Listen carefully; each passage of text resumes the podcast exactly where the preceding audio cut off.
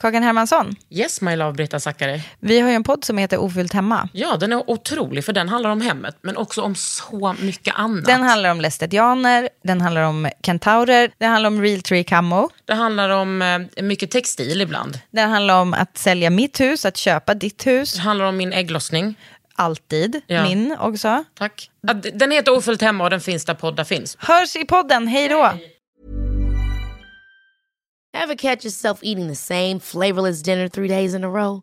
Dreaming of something better? Well, HelloFresh is your guilt-free dream come true, baby. It's me, Kiki Palmer.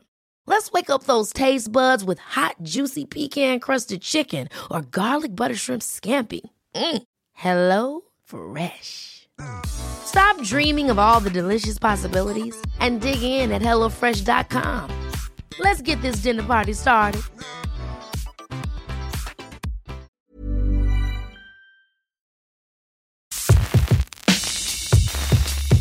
Idag kommer Jenny Westerstrand hit från ROX och vi pratar om kvinnojoursverksamhet. Pratar också ganska mycket om Hanna Olsson för hon förtjänar verkligen en hyllning varje dag. Välkomna till Underhuden. Under huden. Med Kakan Hermansson. Om du säger så här, det här vill jag klippa, vill jag ta bort. Allting är väldigt lugnt. Ja. Jag skulle aldrig, du vet, göra det för att Nej, jag fattar. Ja, men det är bra. jag är en syster, inte ett liksom psykfall. ja men du vet, det är inte som att jag Ja. vill sätta dit, alltså jag, jag, så känner jag själv alltid när folk ska intervjua mig. Jag bara, jag bara väntar på att någon ska försöka sätta Ja. dit mig. Men det är sådana tider tycker jag. Ja. Det är sätta dit-tider. Det är trist. Märks det på ROX? Ja, det gör det ju. Eller det har väl alltid märkts på ROX. För ROX har alltid varit i liksom någon sorts blickfång. Eftersom vi är separatistiska och vi är väldigt feministiska och så. Det stör ju. Alltså du menar att, eh, att ni har stått ut bland kvinnojourerna? Eller att ni har stått ut generellt bara? Nej, men vi har står ut generellt tror jag. Det är ju liksom bara vi riktigt tror jag som kör det. Den här separatismen. Kvinna till kvinna och andra har ju 80 procent kvinnor. Alltså någon sorts målsättning. Men på våra jourer så är det ju kvinnor och det är mycket en väldigt tydlig feminism och en väldigt just en obrottslig lojalitet med henne, liksom med kvinnan. Och det svår, blir, blir allt svårare skulle jag säga. Ja, och men då undrar jag också, vad, för visst var det, gud jag är så gammal nu och har ett svikande minne känner jag. Unison, är det, en, det är då den andra delen kvinnojourer? Just, de eh, bröt sig ur, eller det hette väl något annat då, Sveriges kvinnojourers riksförbund Precis. på 90-talet. Ja. Så då föll jourrörelsen isär och det tycker jag är väldigt synd för att det visar ju forskning och erfarenhet att en splittrad rörelse är mycket svårare än en enad. Och för innan var de ROX också? Och varför, eh, det kanske inte du kan svara för, varför de lämnade? Jo, nej men de lämnade för att eh, det fanns en annan, eh, man ville ha en annan inriktning. Man ville inkludera män och man ville ha ett starkare fokus på barn. Lite så. så var, och, och man kunde inte enas om vad feminism skulle betyda. Man ville inte ha med ordet feminism. Utan man pratade om jämställdhet istället. Så att lite så. Och sen har vi jobbat på efter dessa spår genom åren. Men att vara kvinnoseparatistisk. Eh, jag, pratade med min väninna innan och hon är ändå, men hon är kanske åtta år yngre än jag. Och jag bara, vet du vad, på min tid, när jag var ung, på 90-talet, då var kvinnoseparatism någonting som man fick, alltså liksom, alltså vi krigade för att få ens kunna prata om det som en liksom strategi och överallt när man pratar om kvinnoseparatism var man tvungen att säga nej, nej, nej, nej, det är inget slutändamål. Det, är ett, det är bara en strategi tills någon Ja, det var väl säkert jag, var inte bara jag. Nej, men som sa så här, ja, fast om man vill ha det som slutändamål ska ju det också vara okej. Men var, varför är det viktigt med kvinnoseparatism för er på ROX? Nej, men det handlar ju om eh, hur världen ser ut idag. Att det finns eh, ett tryck mot tjejer och kvinnor i vardagen. Det finns i hemmet, det finns på arbetsplatsen, det finns i det offentliga rummet. Det vill säga en mängd olika våldsyttringar eller eh, hot om våld. Olika våldsformer som kan liksom göra sig mer eller mindre påminda. Och på jouren så tänker vi att där ska man ha ett rum där man slipper det. Där man liksom kan andas ut och där man kan möta varandra och prata. Och många, alltså vi tror också att i ett samhälle som pratar väldigt mycket om jämställdhet, det är ju verkligen att kvinnor och män ska mötas. Eh, Det är väldigt svårt. Det är kvinnor och tjejer betalar ett ganska högt pris för det arbetet eftersom medan vi jobbar för att kvinnor och män ska mötas så utsätts kvinnor och tjejer för våld. Så att, att få backa undan och få vila och få träffa varann, det är, är jätte, jätteviktigt. Och sen när det kommer en kvinna som har varit utsatt, då ska hon slippa möta en man i det skedet. Så och det är inte för mycket begärt tycker jag. Nej. Men eh, det är också så, tänker jag, kampen för jämställdhet. Att vi hela tiden utgår ifrån att om man ser relation man och kvinna, eh, alltså både strukturellt och liksom personligt, att, att män och kvinnor vill det lika mycket och kämpar för det lika mycket. Alltså, det har ju typ aldrig hänt. Nej, nej. Det är ju verkligen ett arbete som kvinnor har tagit på sina axlar. Och, eh, Men alltså, vi är ju också kritiska mot begreppet jämställdhet faktiskt. Eh, Vi använder ju hellre ordet feminism. Därför att eh, jämställdhet kan ju lätt hamna i att kvinnor ska få samma rättigheter som män. Men vi vill ju någonting annat. Vi vill ju en värld där kvinnor kanske behöver särskilda rättigheter och liksom det där med samma, det blir ofta liksom på bekostnad av, av kvinnors intressen. Hur då till exempel? Eh, Ja, men man tänker, ja men dels kan man ju tänka på det rent bara, ska du ha samma rättigheter som män? Ja, vad tar rättigheter kring graviditet och sånt vägen då? Men det är inte säkert att i ett jämställt samhälle att våld skulle upphöra. Det finns ju liksom inget som säger det. det vi vi föredrar att arbeta feministiskt för att lyfta fram att kvinnor ska ha rätt till fria liv utan liksom, eh, pålagor eller rädslor och så. Det tycker vi liksom kanske beskriver visionen bättre. Men det är väldigt svårt samtidigt. Det har jag funderat väldigt mycket på eftersom jag har jobbat med mäns våld mot kvinnor länge. Och rätt, liksom, tankar om kvinnors rätt. Det är väldigt svårt att samtidigt veta vilket samhälle man vill landa i. Den visionen tycker jag är Det tycker jag problematisk. Ja. Det är skitsvårt. Och det är också... Ja, det finns ju också sådana krav, alltså på kvinnor, på kvinnor men också feminister specifikt, att vi alltid ska komma med en färdig plan och färdig lösning. Nej, hur ska ni då ha det? Mm. Man bara, I don't fucking know, men jag vill inte ha en värld som genomsyras av våld. Nej, Det exakt. måste väl finnas... Det måste, man kan, måste få kunna uttrycka sin, eh, sitt hat, sin oro, sin, eh, sitt äckel för ett manssamhälle utan att kunna presentera ett slutgiltigt ändamål. Ja, men det är viktigt. Jag tycker det också. Det är, för det är så himla svårt att veta.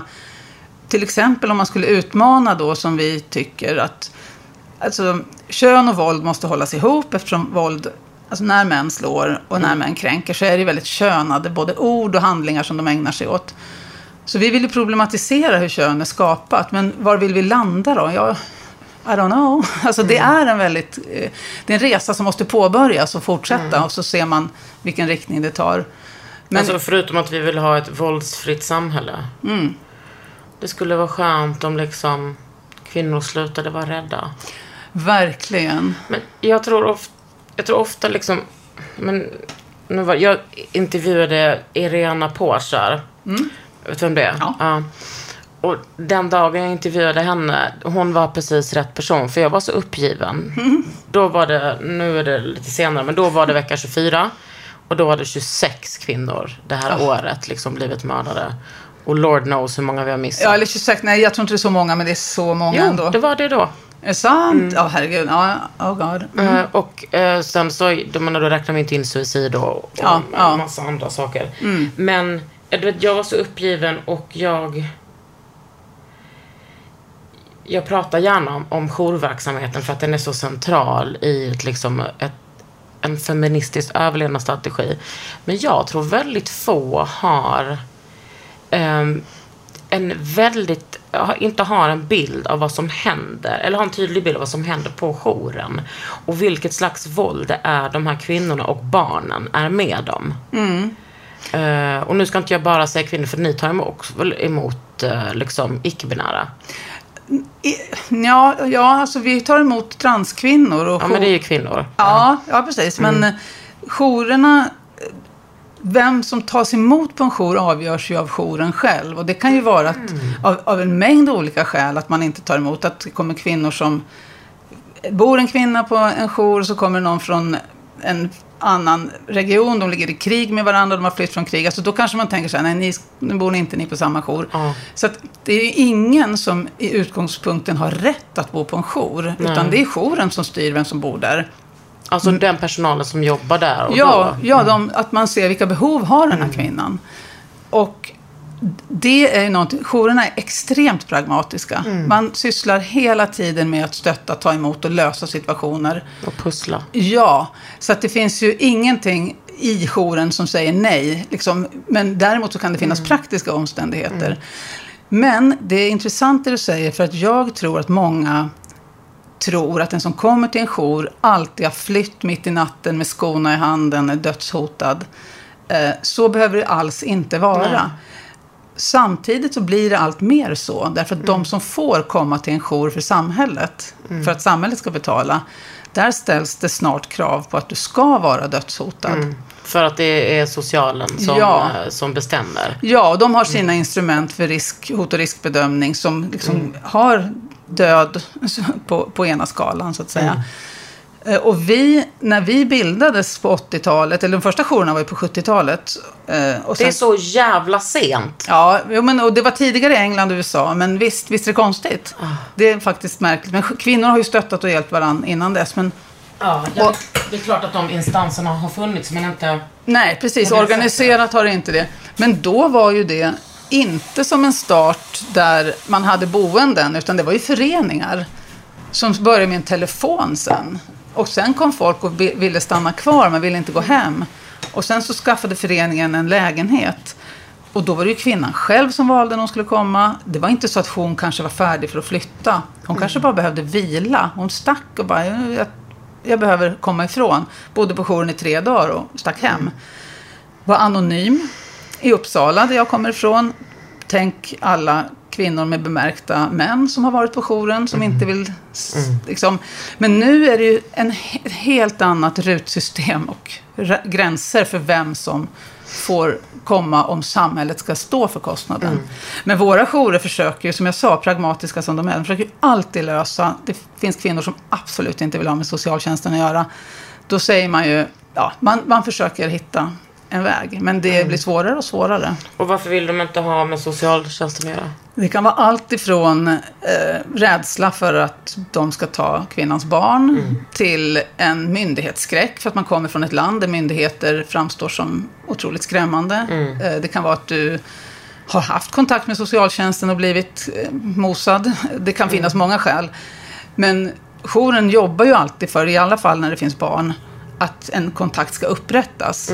Men det är lite knäppt att man måste komma först via socialtjänsten.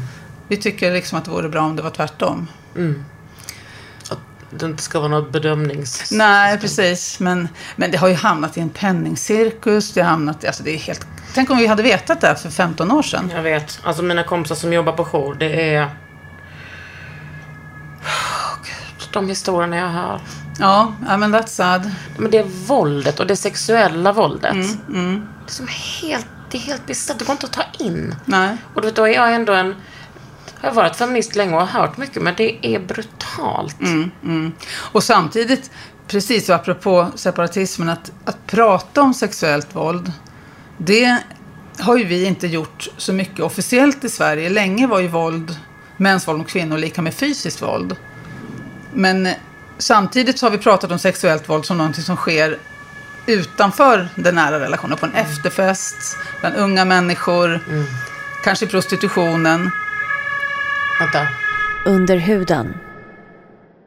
Att sexuellt våld har liksom hört inte de, den gifta kvinnans liv till.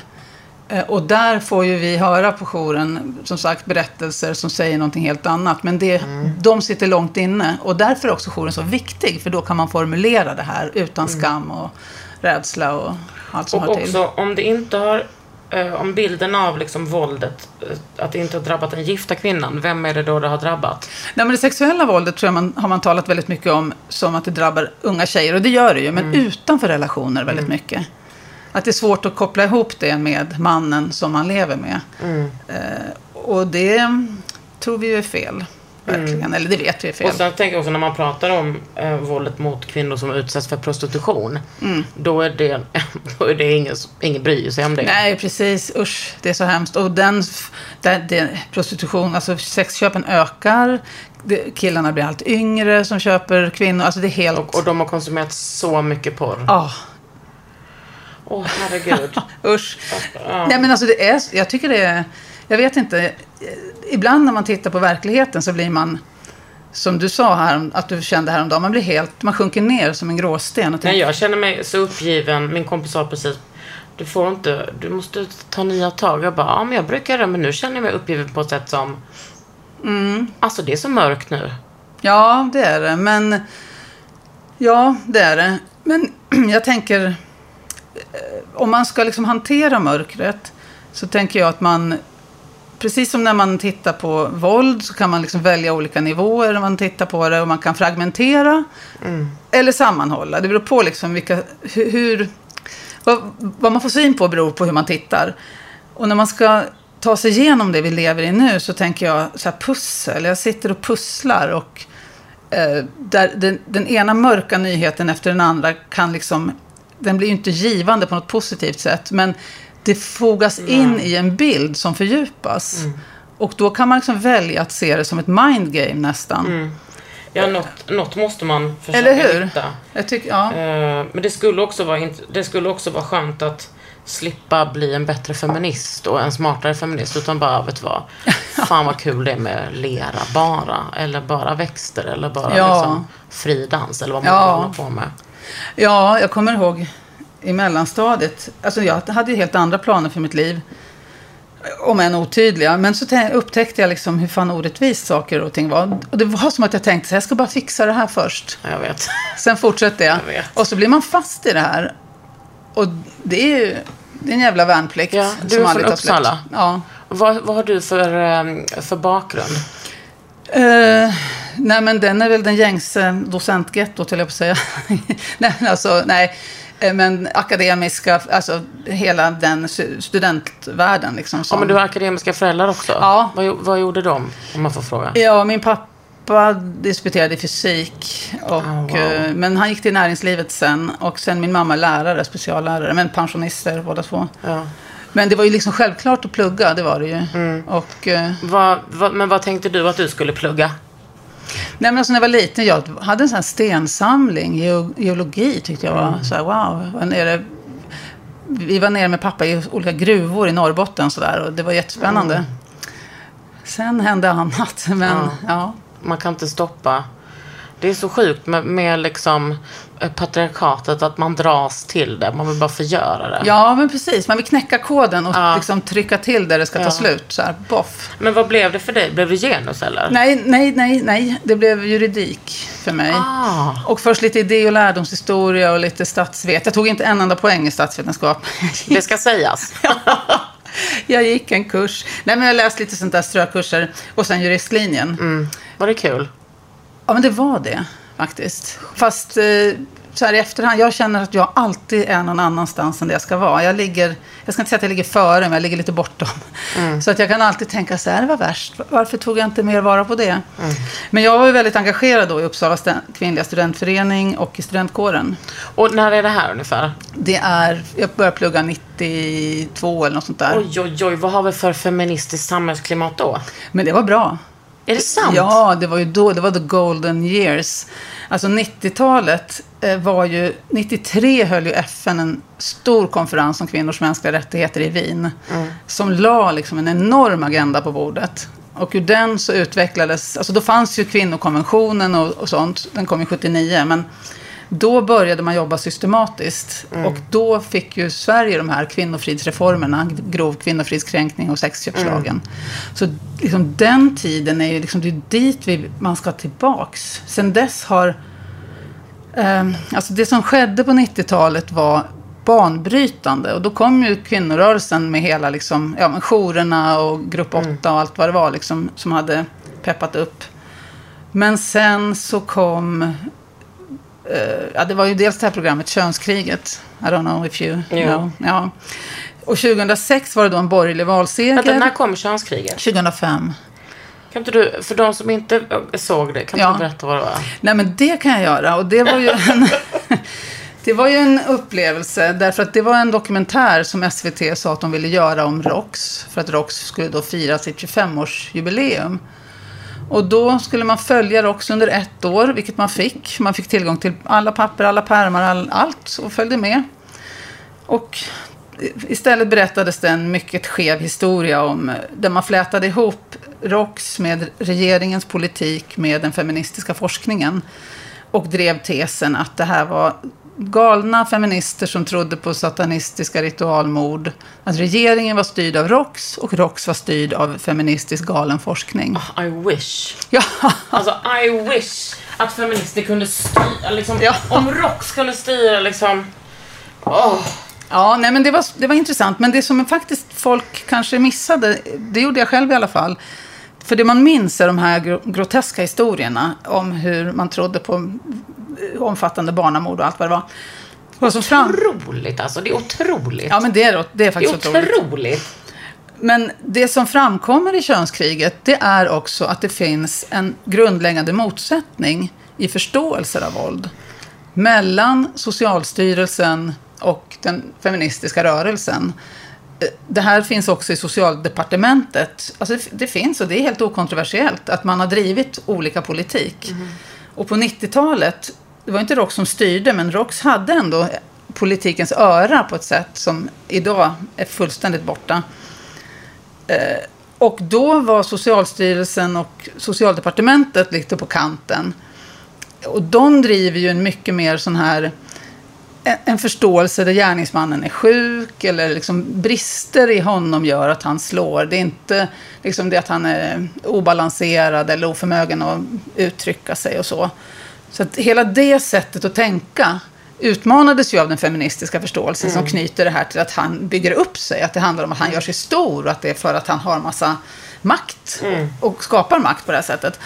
Men efter könskriget då, valsegern 2006, då städades den förståelse som hade byggt 90-talsreformer systematiskt ut. Och det har alla regeringar efter det fortsatt att göra.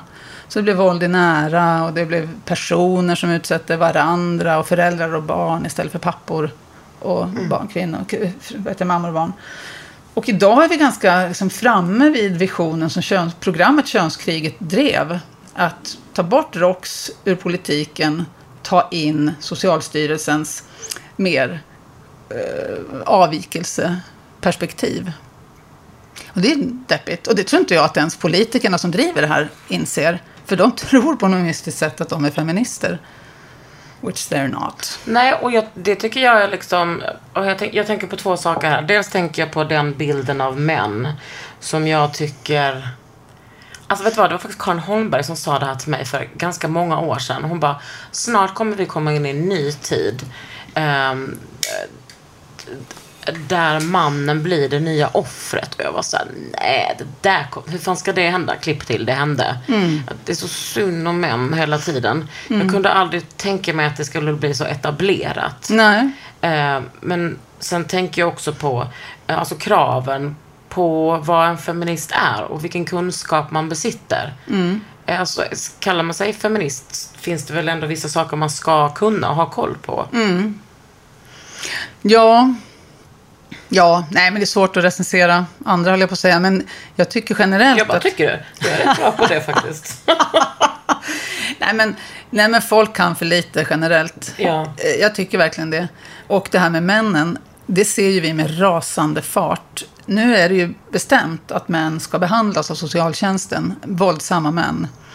Och vi förstår inte, så här, vad går gränsen mellan att han är kriminell och att, alltså han är ju kriminell, Hur ska han behandlas? ja, det vet man inte. Det ska man forska om och ta fram planer för. Men man har stiftat lag om att det ska ske. Alltså inte eh, preventivt utan... eh, Nej, alltså då kallas för det... straff eller? Nej, ja, egentligen fråga inte mig. det står så här i socialtjänstlagen att eh, socialnämnden ska verka för att den som har använt eller använder våld mot sin när, sina närstående ska ändra sitt beteende.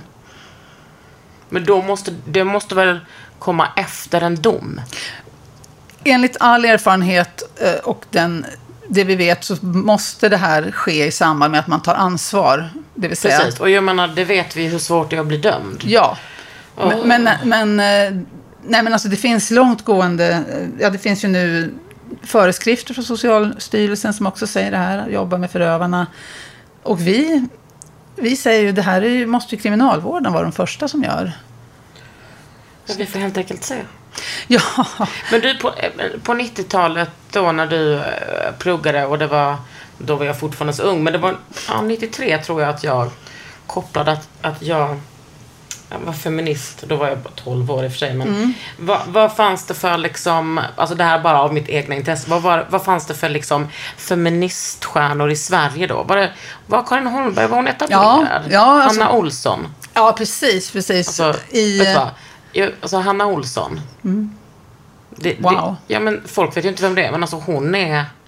Wow. Ja, det, alltså jag kan säga att jag drogs in i frågan om feminism delvis eh, runt det här styckmordet. Ja, Jag läste i tidningarna med stegrande förfäran. men Katrin da Costa. Ja, och sen skrev jag eh, en uppsats om vittnespsykologisk metod som var helt... Eh, alltså den metoden är ju mycket speciell. Hur man liksom underkänner barn på rutin. Det finns aktörer på den här arenan då som tar på sig expertrollen och ska lyssna på barn som berättar om att de har blivit utsatta för övergrepp. Och så har man lite olika metoder, vilka alla egentligen landar till att leta efter det man kallar för ursprungs... Eh, vad är det? Ehm, Uppkomstbetingelser. Det vill säga, var barnet arg på sin pappa? Ville barnet ha en eh, glass? Eller ville, alltså, eller ville mamman ha en, ett hus eller en mobiltelefon? Sådana totalt banala saker som man letar efter. Som är baserat på kvinnohat. Ja, precis. Och så kommer man fram till att det här är påhitt. Och då, nej men då var jag med lite grann på lite seminarier runt som, som, eh, som fanns. Det var nej men Hanna var, hon är ju en, Va, vad är Hanna? hon är psykoterapeut. Va? Ja. Vet du, en otrolig, eh, ett, ett otroligt möte jag hade var en dag när jag satt på tunnelbanan. Det här måste vara åtta eller tio år sedan. Satt på tunnelbanan och så, så att jag lyssnade på musik så var det en, en kvinna som knackade mig på låret. Och tänkte jag i min enfald att hon skulle säga Vilket bra tv-program du har gjort. Jag kollade på det där. Hon skulle, och så hon bara Hej, jag vill bara säga hej. Jag bara Det är Hanna Olsson. Jag bara du vet, jag började gråta. Jag bara, Gud, tack för allt du har gjort. Du är helt otrolig. Och... Verkligen. Alltså att verkligen. jag kommer ihåg när jag läste liksom Katrin och rättvisan. Att det var... Jag kan inte rekommendera den nog. Men den är också en sån vattendelare. Men det är jag, för, för mig så, så var den så betydande i, eh, i just frågan om manssolidaritet. Om hur så här, hela, man, hela rättssystemet är baserat på manssolidaritet. Och det är så fruktansvärt svårt. Ungraspable Ja, liksom. ja.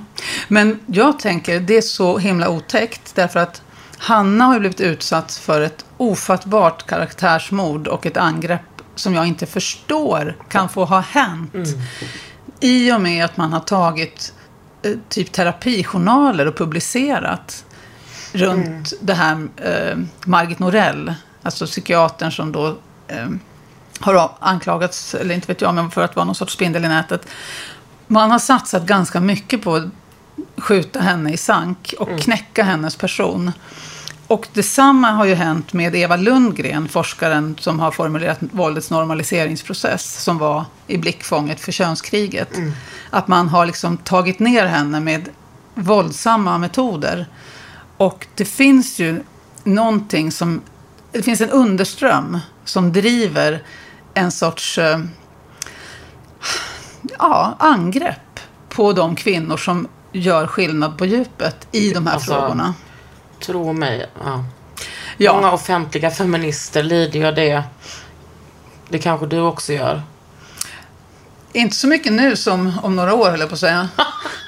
Ja, det är bra att liksom se in i, se in i framtiden. Men eh, för er som inte... Boken heter Katrin och rättvisan och Hanna Olsson har skrivit den och det handlar om ett styckmord på eh, en ung kvinna som bland annat utsattes för prostitution, vilket gjorde det ännu mer. Mak- alltså svår, besvärligt rent maktanalytiskt. Eh, Och eh, alltså det, det finns också en skitbra dokumentär på P3. Dokumentär.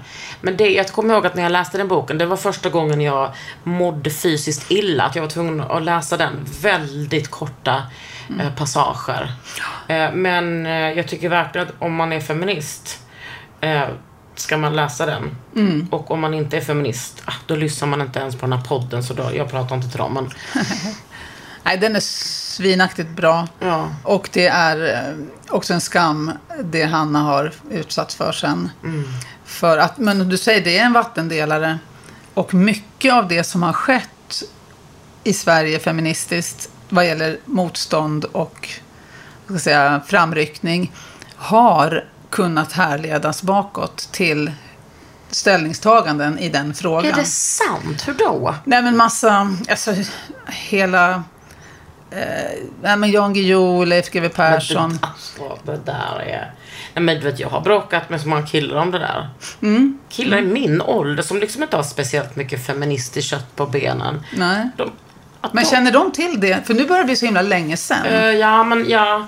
Jo, men det gjorde de. Men det, det liksom, jag kommer ihåg att det, det var en journalist som uttalade sig. Han bara, det där är en... Det där är liksom, de är helt oskyldiga och... Nej men för jag tänker... Men att till och med liksom försvara män som man inte känner. det- Jag menar, det är verkligen så.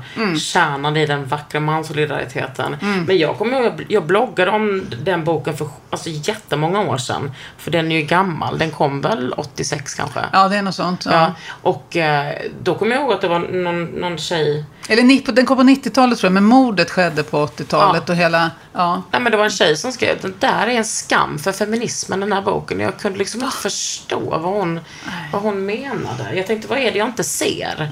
Och det är väldigt sällan jag tänker så. Rent, just i den, i, i den frågan. Men, men jag tror verkligen så här.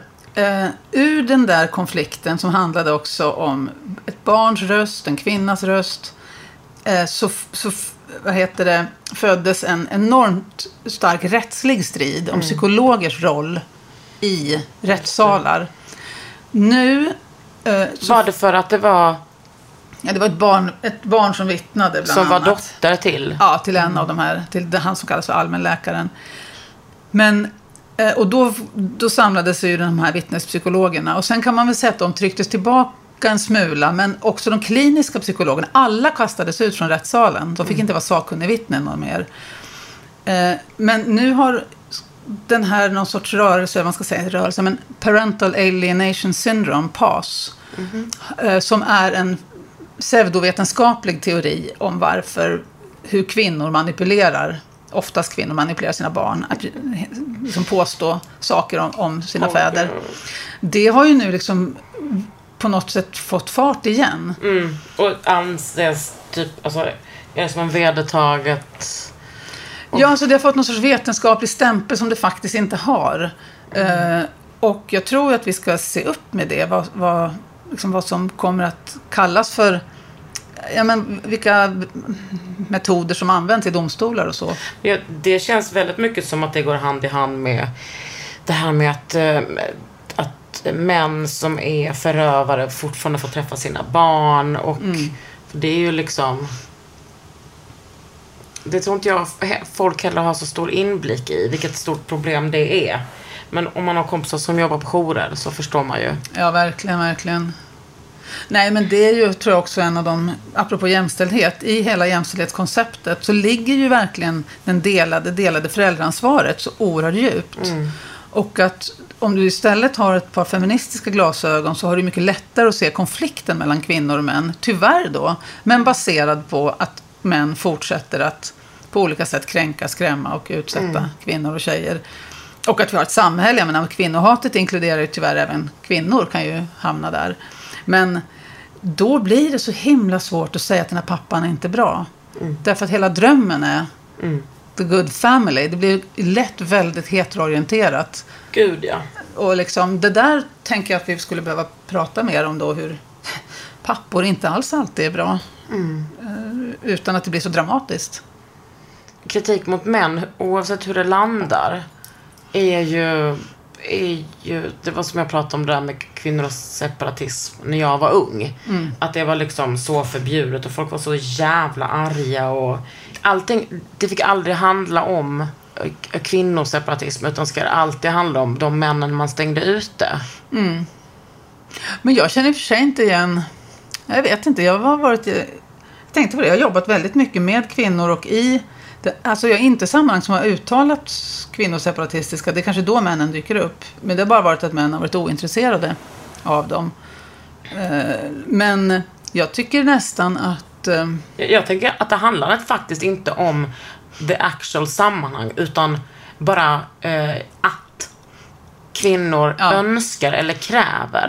Mm, sina egna rum, ja. Ja, för att män aldrig har blivit bortvalda. Nej. Nej, och jag tänkte på eh, en eh, artikel som Ebba Witt skrev häromdagen om franska skolan där hon gick. Som var, det var en flickskola.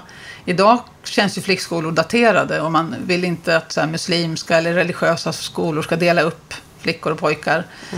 Eh, och det är ju problematiskt om det görs för att grooma barn in i roller, in i liksom föreställningar om vem man får vara. Men samtidigt skulle man ju kunna unna tjejer en flickskola. Liksom. Det skulle väl vara jättehärligt. Jag skulle aldrig vilja att min son gick på en pojkskola då. Nej, det är ju det. Också för att, eh, vem fan är jag att bestämma att han är en pojke dessutom? När han är liksom fyra år. Nej, för, för all del. Nej, men och, de, jag håller med dig. De sammanhangen urartar ju tyvärr oftare och ganska snabbt. Men eh, ja, det är ju viktigt att liksom man får en, en kvinnoseparatism, flickseparatism också. Ja. Och stärka sina relationer och Men rum. det märker vi med tjejjourerna som vill informera i skolor. Och så är vi snackar med tjejerna. Nej, då ska de snacka i helklass ofta för att man ska inte diskriminera. Man, ska inte, så då, man vet ju inte, de kanske sitter där med sin förövare.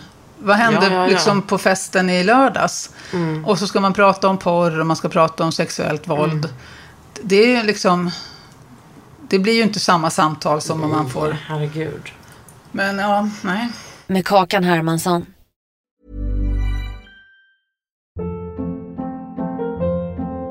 Hold up. What was that? Boring. No flavor. That was as bad as those leftovers you ate all week. Kiki Palmer here, and it's time to say hello to something fresh and guilt-free. Hello Fresh. Jazz up dinner with pecan-crusted chicken or garlic butter shrimp scampi. Now that's music to my mouth. Hello Fresh. Let's get this dinner party started. Discover all the delicious possibilities at hellofresh.com. Ryan Reynolds here from Mint Mobile. With the price of just about everything going up during inflation, we thought we'd bring our prices down. So to help us, we brought in a reverse auctioneer, which is apparently a thing. Mint Mobile unlimited premium wireless. Ready to get 30, 30, bit to get 30, bit to get 20, 20, 20, bit to get 20, 20, bit to get 15, 15, 15, 15 just 15 bucks a month. So, Give it a try at mintmobile.com slash switch. $45 upfront for three months plus taxes and fees. Promo rate for new customers for limited time. Unlimited more than 40 gigabytes per month. Slows. Full terms at mintmobile.com. Jag har f- fått lite frågor. Jag vill Ja, ju- ja. Eh, det är många som frågar om transkvinnor. Hur... Vänta, nu ska jag se. Det är jätte, den frågan får vi väldigt ofta. Och på ett sätt kan jag tycka att det är... Den kommer så, det är liksom så väldigt hög andel frågor som handlar om det. Om vi har ett panelsamtal om mäns våld mot kvinnor eller pappors vårdnadsfrågan så kan det vara i chatten tre av fyra frågor om ROKS jourer tar emot transkvinnor. Men det gör ni, eller hur? Ro- ROKS jourer tar absolut emot jag vet, pratade just med en jour som har stödsamtal. Men jourerna är ju fria. Alltså, man bedömer ju människa, kvinna till kvinna så att säga. Ja. Eh, Så eh, men det finns inte så att transkvinnor får inte bo på jourer. Vi har ju ett årsmötesbeslut på att med kvinnor så eh, menar vi de som identifierar sig som kvinnor. Så att, men jourerna har också sina egna och har inte krav på sig att ta emot alla som kommer dit som jag Nej. sa. Men ni har inte... Men för visst, visst har det varit så med ROX att man har bytt liksom, inställning till transkvinnor? Det vet inte jag. Jag vet, känner bara till det här årsmötesbeslutet från, alltså, från typ 2015 eller något sånt. Och innan dess tror jag att det var en ganska skakig politik, att man inte hade någon tydlig... Och vad hände linje. 2015? Ja, det var ett årsmöte där man tog upp frågan där det står att i vårt material ska vi säga att vi vänder oss till kvinnor och att vi har eh, en, vad heter det, den som definierar sig som kvinna. Ja. Men varför tror du att det är så många frågor kring just transkvinnor? Alltså i chattar och i panelsamtal och sådär. Jag tror väl tyvärr att det handlar om att det är en fråga som sliter sönder oss. Och att, Alltså er som jour. ja, som rörelse. Alltså att, att det finns de som inte vill ta emot. eh, Nej, men att det, det här det är en kontroversiell fråga och den, jag upplever att den inte alltid ställs av intresse utan kan också ställas för att skapa oenighet, skapa liksom slitningar. Vänta, hur menar du då? Att människor inte frågar för liksom av intresse för transpersoner utan för att bråka? Att den andel frågor vi får om detta mot, kan liksom Ja. rimligtvis inte motsvara frågans, eh, vad ska jag säga, aktualitet ute på jourerna. Det, Mm. det är ingenting jourerna själva tar upp som ett problem. Det är inte som att de ringer till oss och Mm. säger vi, vi vill eller vi vill inte, eller vi kan eller vi kan inte. Nej. Utan i den vardagliga verksamheten så, så löper detta på. Och, Ja. och, men utifrån får vi väldigt mycket frågor om detta. Och jag, Men det är kanske för att, det har, för att eh, eh, ROX har liksom ändrat eller för att det nu är att transkvinnor är välkomna nu men inte har känt sig välkomna innan. Jag, upp- ja, jag uppfattar inte att det är transkvinnor heller som ställer frågan. Nej. Okej. Men på vilket sätt tycker du att det är kontroversiellt? En Nej, men det finns ju, den, finns ju den eh, delningen inom feminismen med den, eh, ja, men den linje som Ekis representerar och en annan linje. Och den går ju genom ROX också i delar. Men rörelsen har på något sätt landat i att eftersom det uppfattas inte vara ett problem.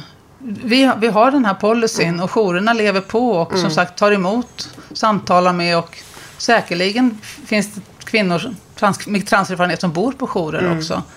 Så att, och det tycker jag är häftigt med denna rörelse, dess pragmatism som sagt. Att det finns en enorm både förmåga och ett intresse av att bistå eh, och bekämpa mäns våld mot kvinnor. Inte bistå, men bistå de som utsätts och bekämpa mäns våld mot kvinnor. Eh, och där hittar man lösningar. Och det tycker jag är väldigt fint. Absolut. Sen tycker inte jag att en, en feminism som är transfobisk är liksom inte feminism för mig. Och det är nog väldigt många som håller med om det. Jag är, ja, det är det här med också att vara uppåt åren och Mm, ha sett hur liksom eh, hur feminismen har utvecklats och sen outvecklats. Mm. Ja. Nej, men liksom att det går i banor som, ja, som gör mig typ ledsen och arg. Det jag tycker är intressant, ur ett annat perspektiv, det är att kön, det är ju en liksom otroligt komplex och svårdefinierad konstruktion. Och för, var det, kanske åtta, nio år sedan så gjorde en forskare en genomgång, eller nej, kanske lite längre sedan, 2011, kanske snarare tio år sedan, en genomgång där hon intervjuade professorer inom genusfältet. Så här, vad hur ser du på kön? Och ingen av dem ville svara, kunde svara och sa jag vet inte. Nej. Jag använder kön på det här sättet. Det här är det relevant för mig i min forskning. Och följaktligen lärde man inte heller ut någonting om vad kön var, liksom boff boff, ontologiskt. Utan det här var en öppen fråga. På de tio åren så har, upplever jag, var och varannan A-student svar på vad kön är. Och det, det, jag skulle aldrig få för mig att svara på vad kön är. Nej. Och det skulle inte ROX heller få för sig. Nej. Det vi vet, det är att våldet är könat. När en man utsätter en kvinna för våld så är det med ord som hora, fitta. Det, det är då, du är en dålig mamma, jag ska ta dina barn, du är en usel flickvän, du ligger dåligt, du, allt liksom. Och när hon går in i en relation så är det en relation som inleds i ett redan ett samhälle som redan är våldsamt med hans förhandlingsutrymme mot hennes. Och med hennes tendens att flytta på sig och hans tendens att expandera i de här våldsprocesserna. Och där skapas ju föreställningar om kön.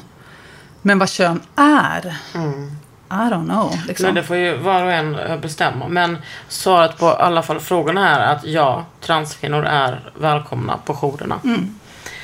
Sen tyckte jag var en jättebra fråga här var hur, hur utspelar sig ekonomiskt våld? Kan man säga så? Hur utspelar sig? Det är ju liksom någonting, tycker jag, som har varit lite mer på agendan nu på sistone. Ja, verkligen. Nej, men, och det tycker jag är intressant, att förståelsen av våld vidgas. Man kan också säga att man ser våldets konsekvenser mycket mer. Eh, Och även våldets uttryck. Och ekonomiskt våld kan ju finnas på en mängd olika plan. Allt ifrån det som kallas för sexuellt överförbara skulder. Att hon går i borgen för honom, tar lån, liksom anstränger sig för att rädda upp hans ekonomi. Eller att han tvingar henne. Ja, ja, ja. Eller gör det i Precis. smyg. Ja, precis. Lurar eller tvingar. Eh, Det kan också vara att han förstör hennes saker eh, medvetet. Det kan vara att när de flyttar ihop så går hon med på att slänga allt hon ägde, spara hans. Eh, Det kan vara sådana saker som att någon har ett kontokort. Som när han handlar med sitt så är det kopplat till regler att det blir hans egendom. Ja. När hon köper med sitt så ska de dela på Ja, det. precis. Alltså- och också att huset står på honom och för att Ja, han tjänar exakt, mer. Båten exakt. och bilen och Ja. allting. Så att det, det är en... eh, Det kan jag också tycka är så stört det här med att i jämställdhetens namn så delar vi nu på barnbidraget i Sverige. Men det vet ju alla. Och tyvärr är det så att kvinnor tar ett större ansvar för att köpa kläder till barnen och köpa stearinljusen hem och servetterna. Och, Och påslakanen och handdukarna. Ja, men exakt. Men så- att liksom innan rättvisa är nådd så ska männen få del av den här fantastiska förmånen. Det kan jag tycka är...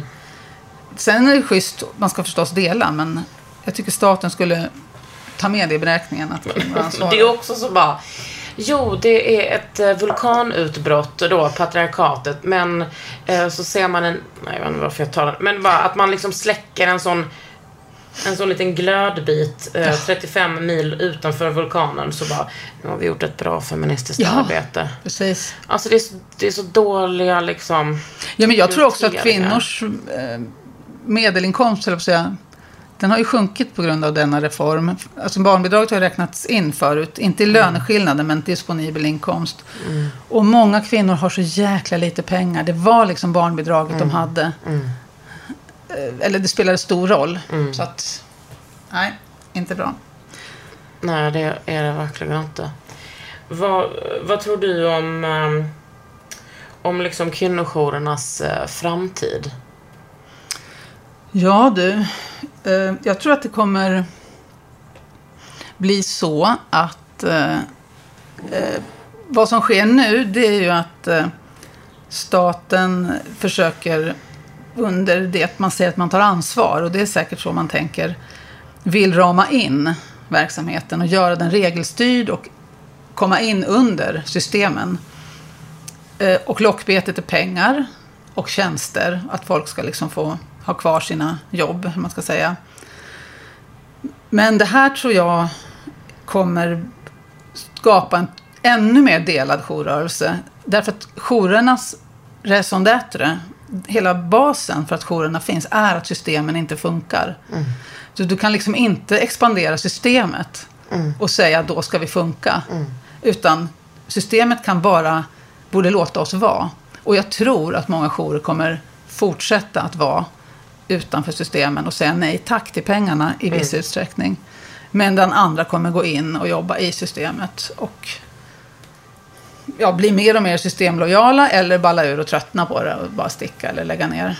Men hur, hur orkar ni som jobbar med våld på den här nivån?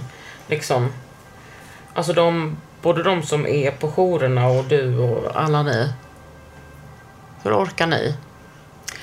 Ja, hur jourerna orkar, det är ju att de får vara tillsammans och liksom eh, uppleva det de ser och analysera det de ser ihop. Det, det kan nästan vara ännu värre ju att inte jobba med det. För det säger ju en del, hur orkar ni? Jag orkar inte sluta. Därför att då För jouren är ju en förening där man gör saker och där man liksom peppar varandra. Ehm, Men, nej, men jag kan säga, apropå ekonomiskt Det är så otroligt eh, anpassat bakgrundsljud. ljud. Ja.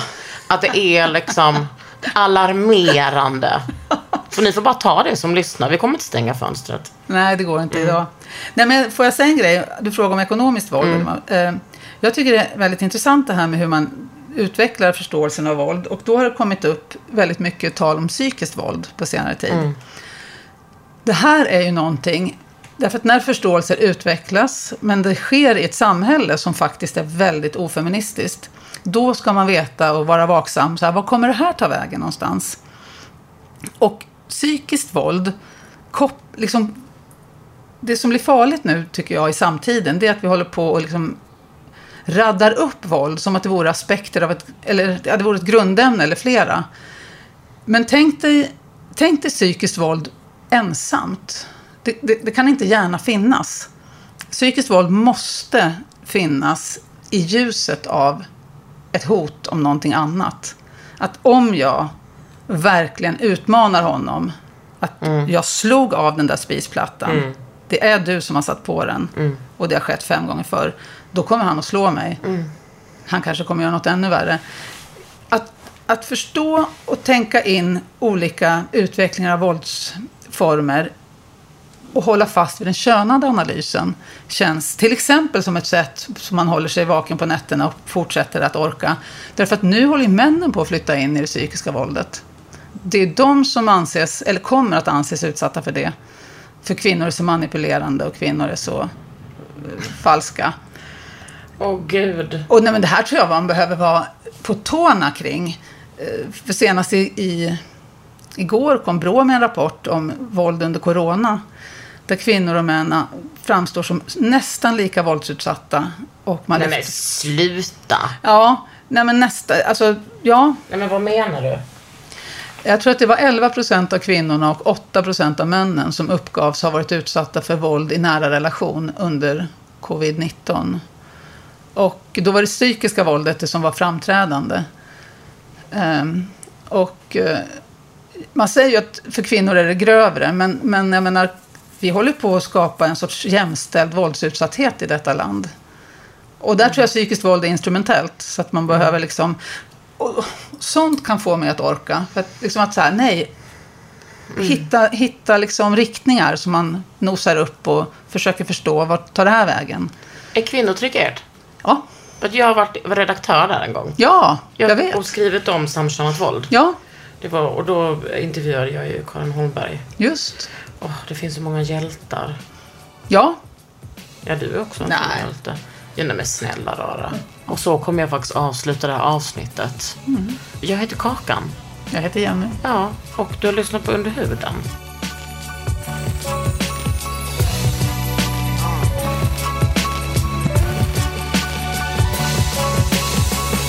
En podd från Allermedia.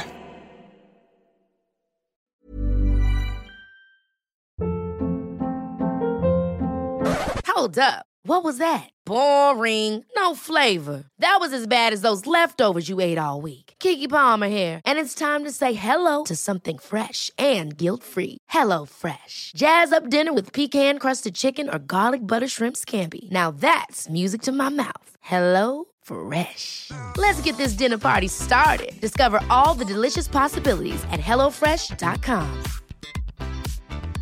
Planning for your next trip? Elevate your travel style with Quince. Quince has all the jet setting essentials you'll want for your next getaway, like European linen, premium luggage options, buttery soft Italian leather bags, and so much more. And is all priced at 50 to 80% less than similar brands. Plus, Quince only works with factories that use safe and ethical manufacturing practices. Pack your bags with high-quality essentials you'll be wearing for vacations to come with Quince. Go to quince.com slash pack for free shipping and 365-day returns.